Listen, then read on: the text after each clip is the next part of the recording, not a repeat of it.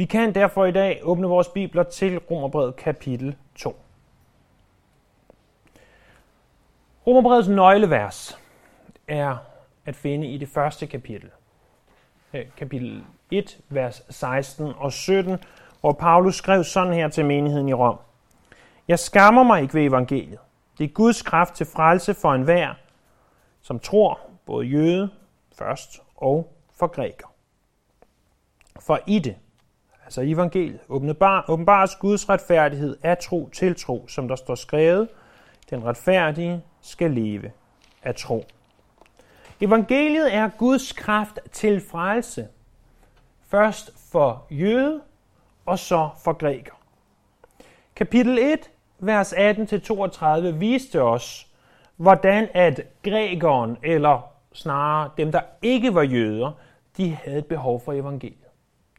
De levede i, uden for Guds lov, de levede, som de havde lyst til, og det så tydeligt, at de havde et behov for evangeliet. Men når jøden så så på grækeren eller hedningen, så vil de tænke, de er nogle forfærdelige mennesker. Godt jeg ikke er ligesom dem. Godt jeg har styr på det, jeg skal have styr på. Men det, som kapitel 2 viser os, er, at ikke alene hedningerne, kapitel 1, men også jøderne, eller hedningerne, alle dem, der ikke er jøder, men også jøderne, kapitel 2, har behov for Guds frelse. For frelsen er alene at finde i evangeliet eller de gode nyheder om Jesus Kristus. Det er det, kapitel 2 handler om. Jødens problem var det, at Paulus nu viser os, at jøden troede, han var sikker. For det første, blot fordi han var jøde. Det er vers 1-16. Jøden var også sikker, fordi han var givet loven, troede han. Og til sidst så troede jøden, han var sikker, fordi han var omskåret. Og det er så vers 25-29. Så han, var, han troede, han var sikker, for det første, fordi han var jøde, vers 1-16. Han troede, han var sikker, for det andet, fordi han havde loven, vers 17-24. Og for det tredje og sidste, han troede, han var sikker, fordi han var omskåret. Men som vi skal se her i kapitel 2, så holder de her argumenter ganske simpelt ikke. Jøden er ikke sikker, fordi han er jøde, fordi han har loven, øh, eller fordi han er omskåret. Jøden er kun sikker i det øjeblik, at han er i Jesus Kristus. Og indledningsvis, så kan vi sige til hver en af os, vi er ikke sikre på vores endelige destination. For vi er i Jesus Kristus, uanset hvad vi er, uanset hvem vi er, uanset hvor gode vi er, vi er kun sikre, hvis vi er i Jesus Kristus. Og det vi skal se er, at uanset hvilke privilegier du er givet, så gør Gud ikke forskel. Gud han dømmer alle for deres synd. Så det første vi skal se, det er, at Gud han dømmer, selvom man er jøde. Prøv at se her i vers 1-16. Derfor har du ingen undskyldning, du menneske, som dømmer, hvem du så er. For med din dom over andre fordømmer du dig selv. Du, der dømmer, gør jo selv det samme. Og vi ved, at Guds dom med rette rammer dem, der lever sådan.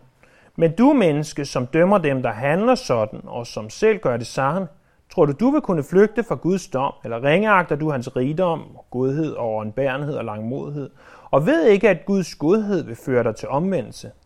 Med dit hårde og ubodfærdige hjerte samler du dig vrede på vredens dag, da Guds retfærdige dom skal åbenbares. Han vil gengælde enhver efter hans gerninger. Dem, der søger herlighed og ære Uforgængelighed ved udholdende at gøre det gode vil han gengælde med evigt liv, og over dem, der søger deres eget og er ulyd imod sandheden, med lyde imod uretten, kommer vrede og harm, nød og angst rammer hvert menneske, som gør det onde, både jøde først og græker. Herlighed og ære og fred for enhver, som gør det gode, både jøde først og græker. For Gud gør ikke forskel på nogen, og de, som har syndet uden loven, vil også gå fortabt uden loven. Og de, som har syndet under loven, vil blive dømt efter loven. For det er ikke dem, der hører loven, der er retfærdige for Gud, men de, der gør loven, vil blive gjort retfærdige. For når hedningerne, der ikke har loven af naturen, gør, hvad loven siger, så er de uden at have en lov deres egen lov. De viser, at de har den gerning, som loven kræver, skrevet i deres hjerte, og deres samvittighed optræder som vidne, og deres tanker anklager eller forsvarer hinanden. På den dag, da Gud dømmer det, som skjuler sig i mennesker efter mit evangelium med Kristus Jesus. Guds sande dom står fast. Fordi jøderne, de fordømte hedningerne, altså alle, der ikke var jøder, for deres syndige livsførelse. Men problemet var, at jøderne i deres hjerter gjorde ganske de samme ting, som jøderne gjorde, eller som hedningerne gjorde. Og det er jo lidt tilbage til det, som jeg tænker, de fleste af os lærte som barn, at hver gang der er en finger, der peger på andre, jamen så er der tre fingre, der peger på dig selv. Og det er det, vi så tit glemmer. Og det var det, som jøderne glemte. De glemte, at uh, de er nogle forfærdelige syndere, de hedninge, fordi de lever, som de gør. Var hedningerne nogle forfærdelige øh, sønder? Ja. Men var jøderne et hak bedre? Øh, nej, egentlig ikke. Fordi Gud, han vil altid dømme sønderen, og Guds dom, den står fast. Det er det, som står der i vers 2, at vi ved, at Gud med rette rammer dem, eller vi ved, at Gud han rammer dem ret. Vi ved, at Gud han rammer dem med sandhed. At Guds dom er sand. At han vil ikke gøre forskel på nogen. Han kommer med den rigtige dom. Der står i Hebræerbrevet kapitel 4, vers 13, at ingen skabning kan være usynlig for ham. Alt ligger blottet og åben for hans øjne, og ham står vi til regnskab for. Jøderne, de tænkte, Gud, han dømmer ikke os. Jeg er jøde. Gud behøver ikke dømme mig, fordi jeg kommer fra den rigtige slægt, jeg kommer fra den rigtige familie, jeg kommer fra det rigtige land. Men det, som jøden så også tænkte, det er, at selvom jeg en gang imellem træder lidt ved siden af, så er det ikke sådan, jeg bliver udslettet med det samme. Kan I forestille jer scenariet, at, at der øh, går den selvretfærdige jøde rundt, og, og så gør han noget, eller han tænker noget, som han godt ved, han ikke skal, og så kigger han lidt op imod himlen for at se, om et lynnedslag rammer ham fra Gud, eller om jorden åbner sig under ham, og så sker der ikke noget. Nå, det gik jo meget godt. Så går jeg lidt videre, og, og så gør han noget nyt, og igen kigger han op og kigger lidt ned, dengang lidt kortere tid. Tredje gang så tænker han, jeg behøver slet ikke kigge, fordi jeg må jo være meget god, siden at Gud han ikke udsletter mig. Men det er ikke derfor, at Gud han ikke udsletter jøden i det, han sønder. Eller dig eller mig. Det er fordi Gud han er god. Det er fordi Gud han ønsker, at vi skal omvende os. Der står i vers 4, ringeagter du hans rigdom og godhed og overbærenhed og langmodighed, og ved ikke, at Guds godhed vil eller bør føre dig til omvendelse. Så fordi at du ikke oplever umiddelbar straf i det, du synder, siger Paulus til jøden, betyder det ikke, at du er undsluppet Guds vrede. Nej, snarere så er det, fordi at Gud han ønsker, at du skal omvende. Og jeg tænker, at når vi har børn, så prøver vi jo at gøre tingene på samme måde. At, at når jeg siger til mine børn, vi ikke godt stoppe med det, så håber jeg jo på, at de stopper. Og brændet falder ikke ned med det samme. Og der går noget tid, og jeg håber på, at de så at sige omvender sig at de, de bliver bedre. Problemet er bare, at mennesker bliver ikke bare bedre. Vi bliver kun det samme. Vi bliver ved med at gøre de ting, hvis vi ikke har Jesus i vores hjerte. Så bliver vi ved med at synde. Og selv når vi har Jesus i os, bliver vi ved med at synde. Der er forskellen bare, at der er synden tilgivet.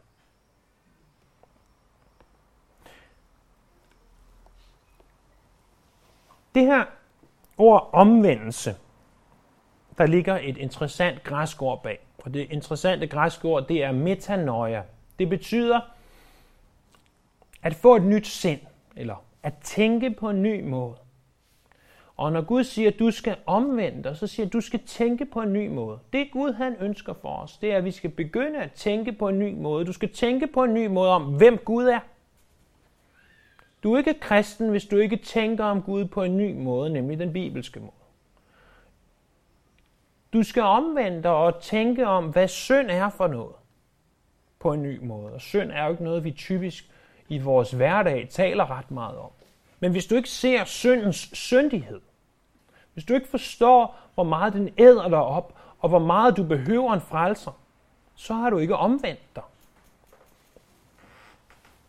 Og, og når der står omvendelse, så er det alt i alt, at vi ændrer vores syn på Gud og på de ting, som har med Gud at gøre. Spørgsmålet opstår så. Hvordan kan jeg vide, om jeg virkelig har omvendt mig? Jamen, det kan du ved, at vi, som der står her videre fra vers 5, 6, 7, 8 så videre, at vi dømmes efter vores gerninger. Vi bliver ikke på nogen måde frelst ved vores gerninger, men vi dømmes ved vores gerninger. Fordi når alt kommer til alt, så vil Gud se på os og sige, har de mennesker virkelig omvendt sig? Det kan jeg se på deres gerninger. Men det er ikke gerningerne i sig selv, der gør, at du er en kristen. Det er jo det, man siger i, i mange religioner, at det, der gør dig til en god buddhist eller muslim eller hvad det er, det er, at du gør de her gerninger. Det er, at du gør de her ting. Men du kan gøre gode ting fra nu af og helt ind i evigheden. Men hvis der ikke er sket et værk i dig, hvis du ikke er født på ny, hvis Guds ånd ikke har taget bolig i dig, så er de gode gerninger i bedste fald bare gode gerninger. Det vil aldrig blive sådan, at dine gode gerninger skal være mere end dine dårlige gerninger, og så bliver du frelst. Gode gerninger er gode nok, men de frelser dig ikke. Men gode gerninger kan være et bevis på, at du rent faktisk er frelst. De kan være frugten af det, der vokser i dig, og de bør være frugten af det, der vokser i dig. Det er det, som blandt andet Jakobsbrevet taler om. Og Guds dom, den er altså sand. At når Gud han dømmer dig, og når Gud ser på dig, og når Gud ser på mig, og når Gud ser i det her tilfælde på jøden, så ved han for det første, hvad der bor i os, og det viser sig i den måde, som vi lever på.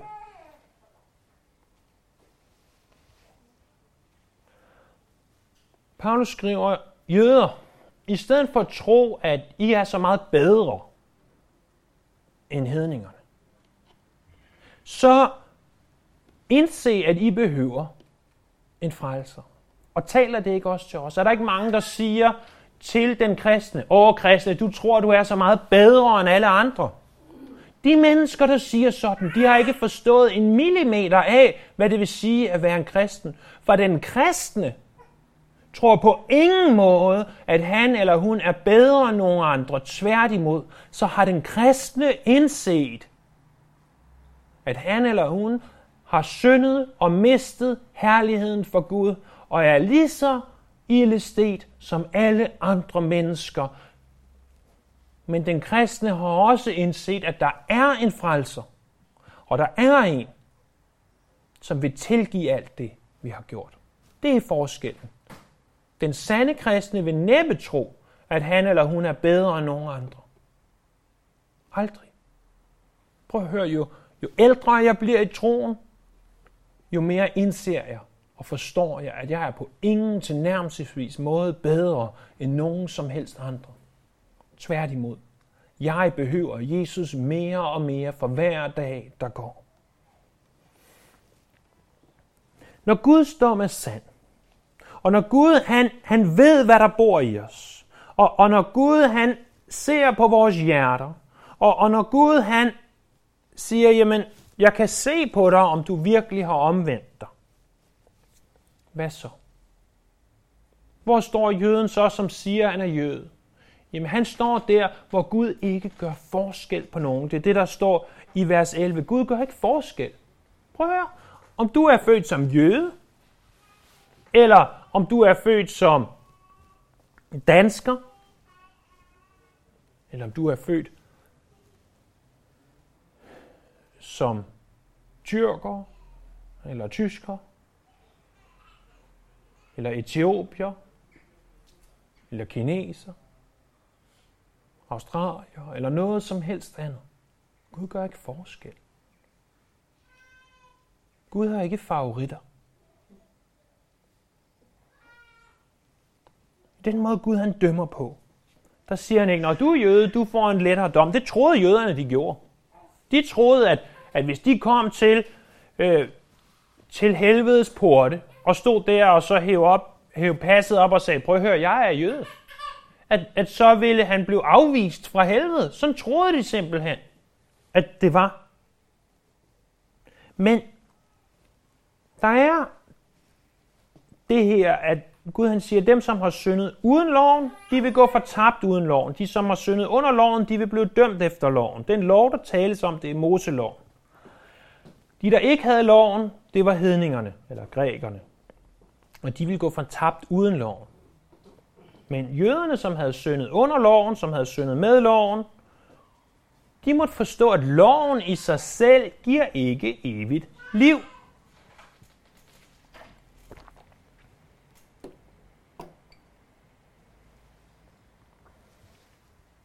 Gud siger igennem Paulus i det her, det er ikke dem, som hører loven, det er dem, som gør loven, der bliver gjort retfærdige.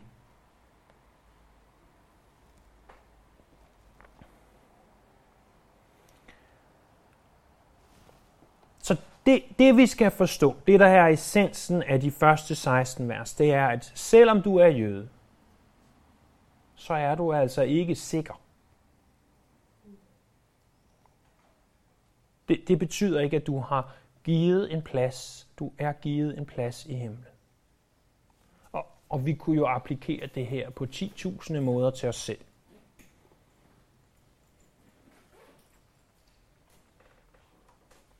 Men lad os lige vente med det et øjeblik. Og måske bliver det ikke helt 10.000. Der står videre fra vers 17 til vers 24. Men du, som kalder dig jøder, sætter din lid til loven og er stolt af Gud. Du som kender hans vilje og kan afgøre, hvad der er væsentligt, fordi du er oplært ud fra loven. Du som tiltror dig selv at være vejled og forblinde lys for dem i mørke og opdrager for uforstandige og lærer for umyndige, fordi du i loven ejer det fuldkommende udtryk for kundskab og sandhed. Du som belager andre. Du belager ikke dig selv. Du som prædiker, at man ikke må stjæle. Du stjæler selv. Du som siger, at man ikke må bryde et ægteskab. Du gør det selv. Du som afskyer afguderne. Du begår tempelran. Du som er stolt af loven, du vander selv Gud ved at overtræde loven, for på grund af jer bliver Guds navn spottet blandt folkene, som der står skrevet. Så i det, at vi får faret det argument væk, at der hedder, jeg er jøde, jeg er bedre per definition end hedningerne, derfor må Gud ikke dømme mig, og Gud siger, prøv at høre, jeg er ligeglad i det her tilfælde, om du er jøde eller ej, du, ja, du bliver stadigvæk dømt.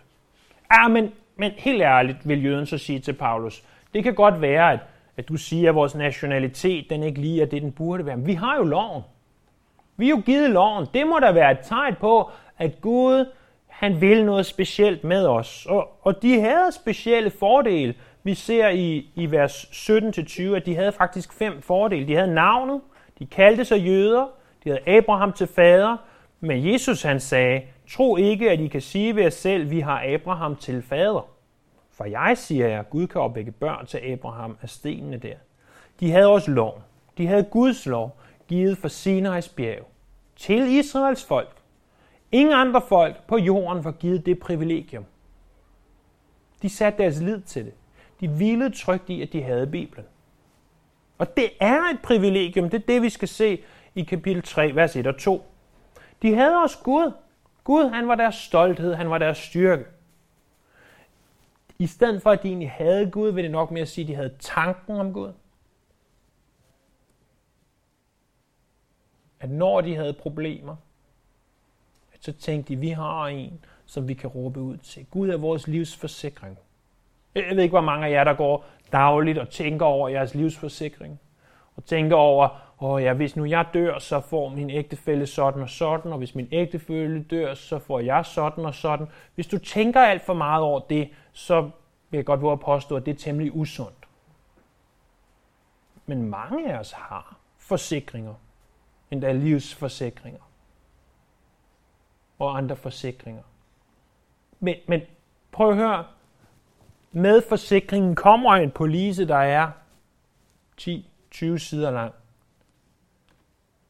Dum som jeg er, satte jeg mig ikke ned og læste den police igennem, inden jeg sagde, at det er fint. Jeg betaler bare til jer mange penge, relativt mange penge hver måned.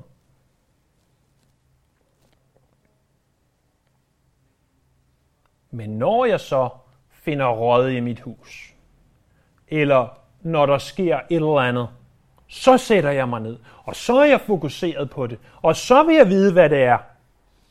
Det er, jeg har tanken om det, men jeg kan ikke være sikker i tanken om, at jeg har en forsikring. Jeg er jo nødt til at vide, hvad der står i den. Og, og det var sådan, som jøderne gjorde. De, de havde tanken om Gud. De vidste, min forsikring er derude. Og hvis de så fik brug for ham, så begyndte de at interessere sig for Gud en smule. Og jeg har også glemt alt, hvad der står i min police igen. Fordi for mig der er det mere tanken om den sikkerhed, den måske kunne give mig, hvis der måske skete et eller andet. Og det var det, de havde med deres Gud. Der står også, de kendte hans vilje. De var jo hans folk, og de havde hans ord, og de havde Gud på deres side. Så de måtte jo kende hans vilje. De vidste, hvad han ønskede. De vidste, hvad de ti bud sagde. De kunne dem endda på hebraisk. De vidste, hvad der var væsentligt. De vidste, hvad der var vigtigt i livet. Faktisk så vidste de så meget, at de kunne belære andre. Det er jo det, vi ser, især på Jesu tid med fejserne, at de kunne gå rundt og sige, prøv at høre, hvis du ikke gør sådan og sådan, så er du en dårlig jøde. Prøv at høre, det som loven virkelig siger, det er sådan og sådan. De var så kloge, de var så dygtige, at de kunne belære andre glemte bare lige at belære sig selv. Fordi til trods for, at de havde alt det her, så var de stadigvæk syndere. De levede i deres hyggeleri. Der står, at de vil ikke lade sig belære. De troede, de kunne belære andre, men de belærte aldrig sig selv. Og, og må jeg tilføje, at det er en forfærdelig ting, hvis vi stiller os op her fra prædikestolen, eller over for andre og forsøger at belære andre og fortælle dem, dette er, hvad Gud siger, men vi aldrig lader det tale til os selv. Så var der ikke overensstemmelse mellem deres tale og deres handlinger. De sagde til andre, du må ikke stjæle, men de gjorde det selv. Så beskæftigede de sig med det ydre, men ikke med det indre. De sagde, du må ikke bryde et ægteskab, Men Jesus sagde, hvis du blot tænker ægteskabsbrud i dine tanker, så har du allerede brudt et ægteskab. Det var så vigtigt for dem, at når folk så på dem, så gjorde de alt det rigtige. Men deres tanker, deres hjerte, var meget beskidt.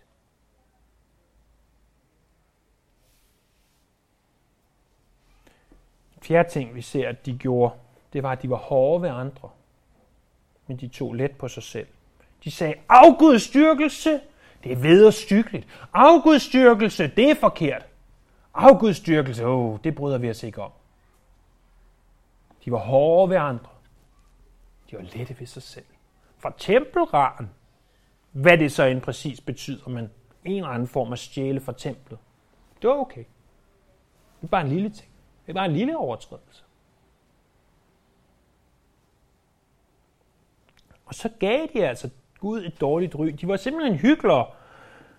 Hyggelere vil til slut blive afsløret. Fordi en hyggelig, som de egentlig var, der kommer tingene ikke fra hjertet. Det kommer fra ydre gerninger. Og det kan man ikke opretholde. Gud havde givet dem loven. Ja. Men loven i sig selv var altså ikke en sikker billet til himlen. Det var et privilegium, men det var ikke en sikker billet til himlen. Så Paulus har nu sagt, for det første, din nationalitet, den frelser dig altså ikke. Han har også sagt, at du har en bibel, frelser dig ikke. Og som det tredje og sidste vil han sige, det at du er omskåret, det frelser dig heller ikke. Prøv at se der i vers 25-29. Vel gavner omskærelse, hvis du holder loven. Men overtræder du loven, er du trods din omskærelse blevet som en uomskåret. Hvis derfor en uomskåret holder lovens forskrifter, skal han så ikke anses for en omskåret, selvom han ikke er det. Og den, der i det ydre er uomskåret, men som opfylder loven, skal dømme dig, som overtræder loven, skønt du har lovens bogstav og er omskåret. For jøde er man ikke i det ydre, og omskærelse er ikke det, der ses på kroppen. Jøde er man i det indre, og omskåret af den, som er det i sit hjerte, i ånden, ikke efter bogstaven. Hans ros kommer fra Gud, ikke fra mennesker. Så, så jøderne kunne nu måske sige, ja, men det kan godt være, der på mit pas står, at jeg er jøde. Du siger, det ikke er nok, Paulus. Du siger, at Gud han dømmer retfærdigt, han dømmer sandt. Han ser på, hvad der er i mig, ikke bare, hvad jeg gør. Okay, fair nok. Jeg har loven. Jeg er blevet givet Guds lov. Og, og du siger, det er kun, hvis vi gør loven. Du siger, at vi lever som hyklere. Godt nok, men prøv at se på min egen krop.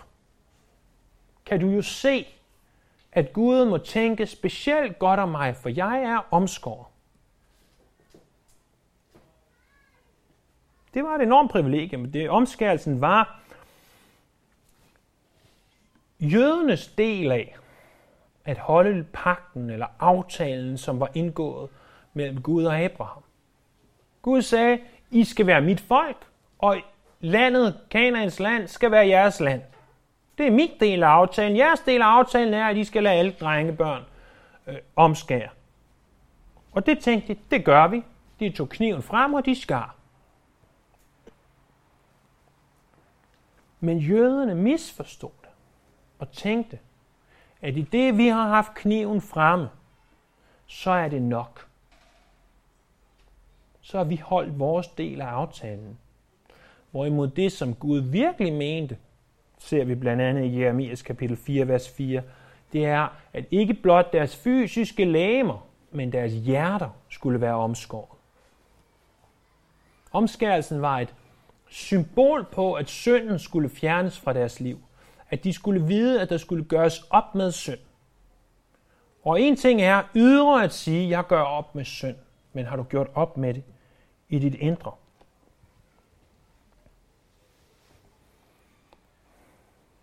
For at bevise, hvad han tænker, så opstiller han den hypotetiske situation. Det er ikke en mulig situation, men en hypotetisk situation.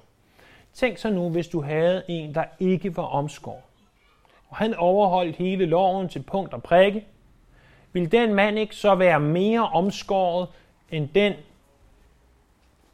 jøde, som kunne fremvise, at han fysisk var omskåret?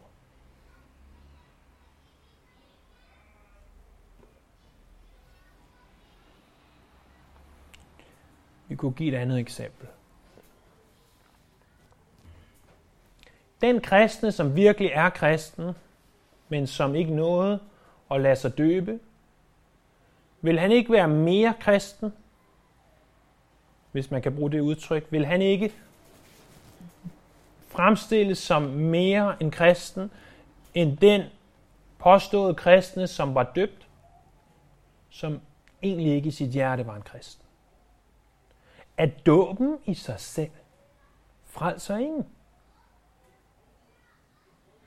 Dåben i sig selv frelser absolut ingen. Bør vi lade os døbe? Ja, fordi Gud siger det. Men det er ikke dåben, der frelser os. Det er Jesus Kristus, der frelser os. Og hvis vi tror, at dåben frelser os, så har vi på det groveste misforstået evangeliet. De ydre ting frelser os ikke.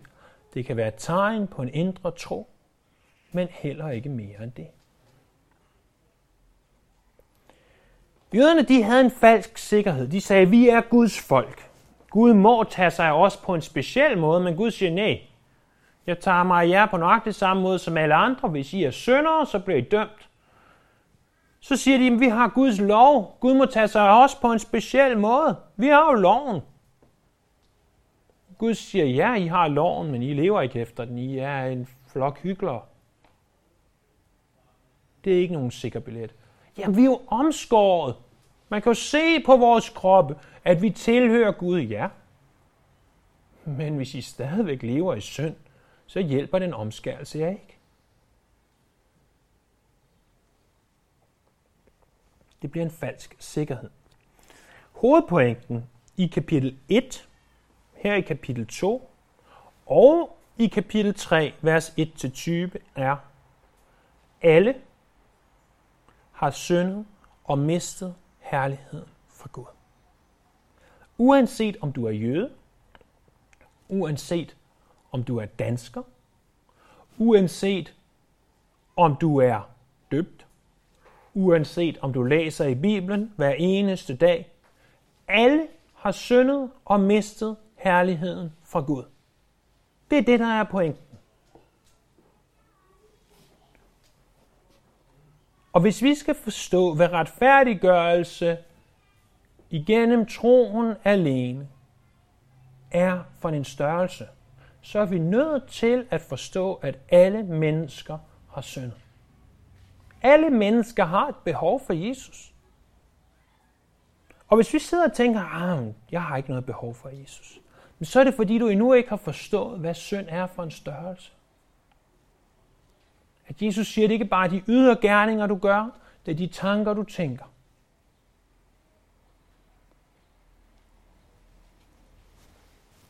Det er det alt sammen. Det æder dig op indefra. Du er født med det. Og du er nødt til at blive tilgivet. Kapitel 2 tror jeg på, hvor oprindeligt var skrevet til jøderne. Men det betyder ikke, at vi ikke kan drage nogle konklusioner for os i dag. Fordi hvis Gud dømmer jøderne, som jo er Guds ejendomsfolk, de kan ikke undgå dom. Hvordan tror I så, at han vil tage sig af os gamle vikinger? Ikke anderledes, men hvis han dømmer dem, så dømmer han også os. Guds dom, den er altid sand. Guds dom, den står altid fast. Guds dom, den er i overensstemmelse med sandheden. Og når du bliver dømt, og jeg bliver dømt af Gud, hvis vi ikke har omvendt os, så kan vi ikke sige, ah Gud, det er uretfærdigt, det var jo ikke det, jeg tænkte, det var jo ikke det, jeg mente. Men Gud, han ved, hvad du tænkte. Gud, han ved, hvad du mener. Det, det behøver du slet ikke bekymre dig om. Guds dom er altid sand.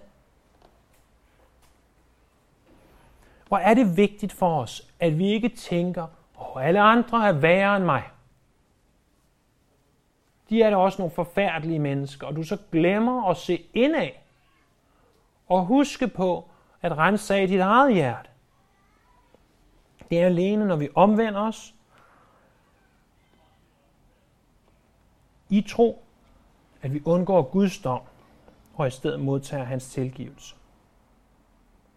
Jøderne de blev givet et enormt privilegium i loven, i omskærelsen.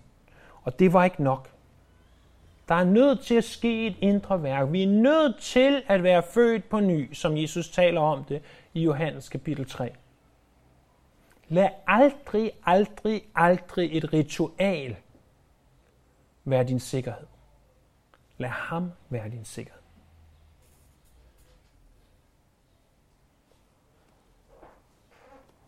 Lad ham være din sikkerhed. Hvordan bliver han min sikkerhed, siger du så? Jamen, det gør han ved, at du bliver født på ny. Det gør han ved, at du ved tro modtager ham. Ganske gratis. Ikke fordi du er noget, ikke fordi du har gjort noget, men ved tro, simpelthen ved at stole på, at han kan gøre det. Så er det, han bliver din sikkerhed. Og vi vil komme til at se senere i Romerbrevet, hvordan vi kan vide, at han er vores sikkerhed. For det tror jeg også mange kristne kæmper med. At sige, men er jeg så virkelig frelst? Han står der og siger, det er kun, når der er sket et indre værk, og vi kan ikke se det nødvendigvis på det ydre. Jamen, vi kan stadigvæk vide, at vi er frelst.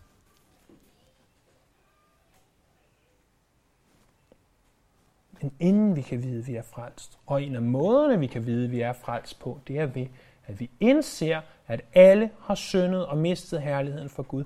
Og hvis du siger, men jeg er ikke sikker på, at alle har syndet og mistet herligheden for Gud, jeg er slet ikke sikker på, at jeg har, jamen, så kan jeg på Bibelens autoritet sige, så er du ikke en kristen.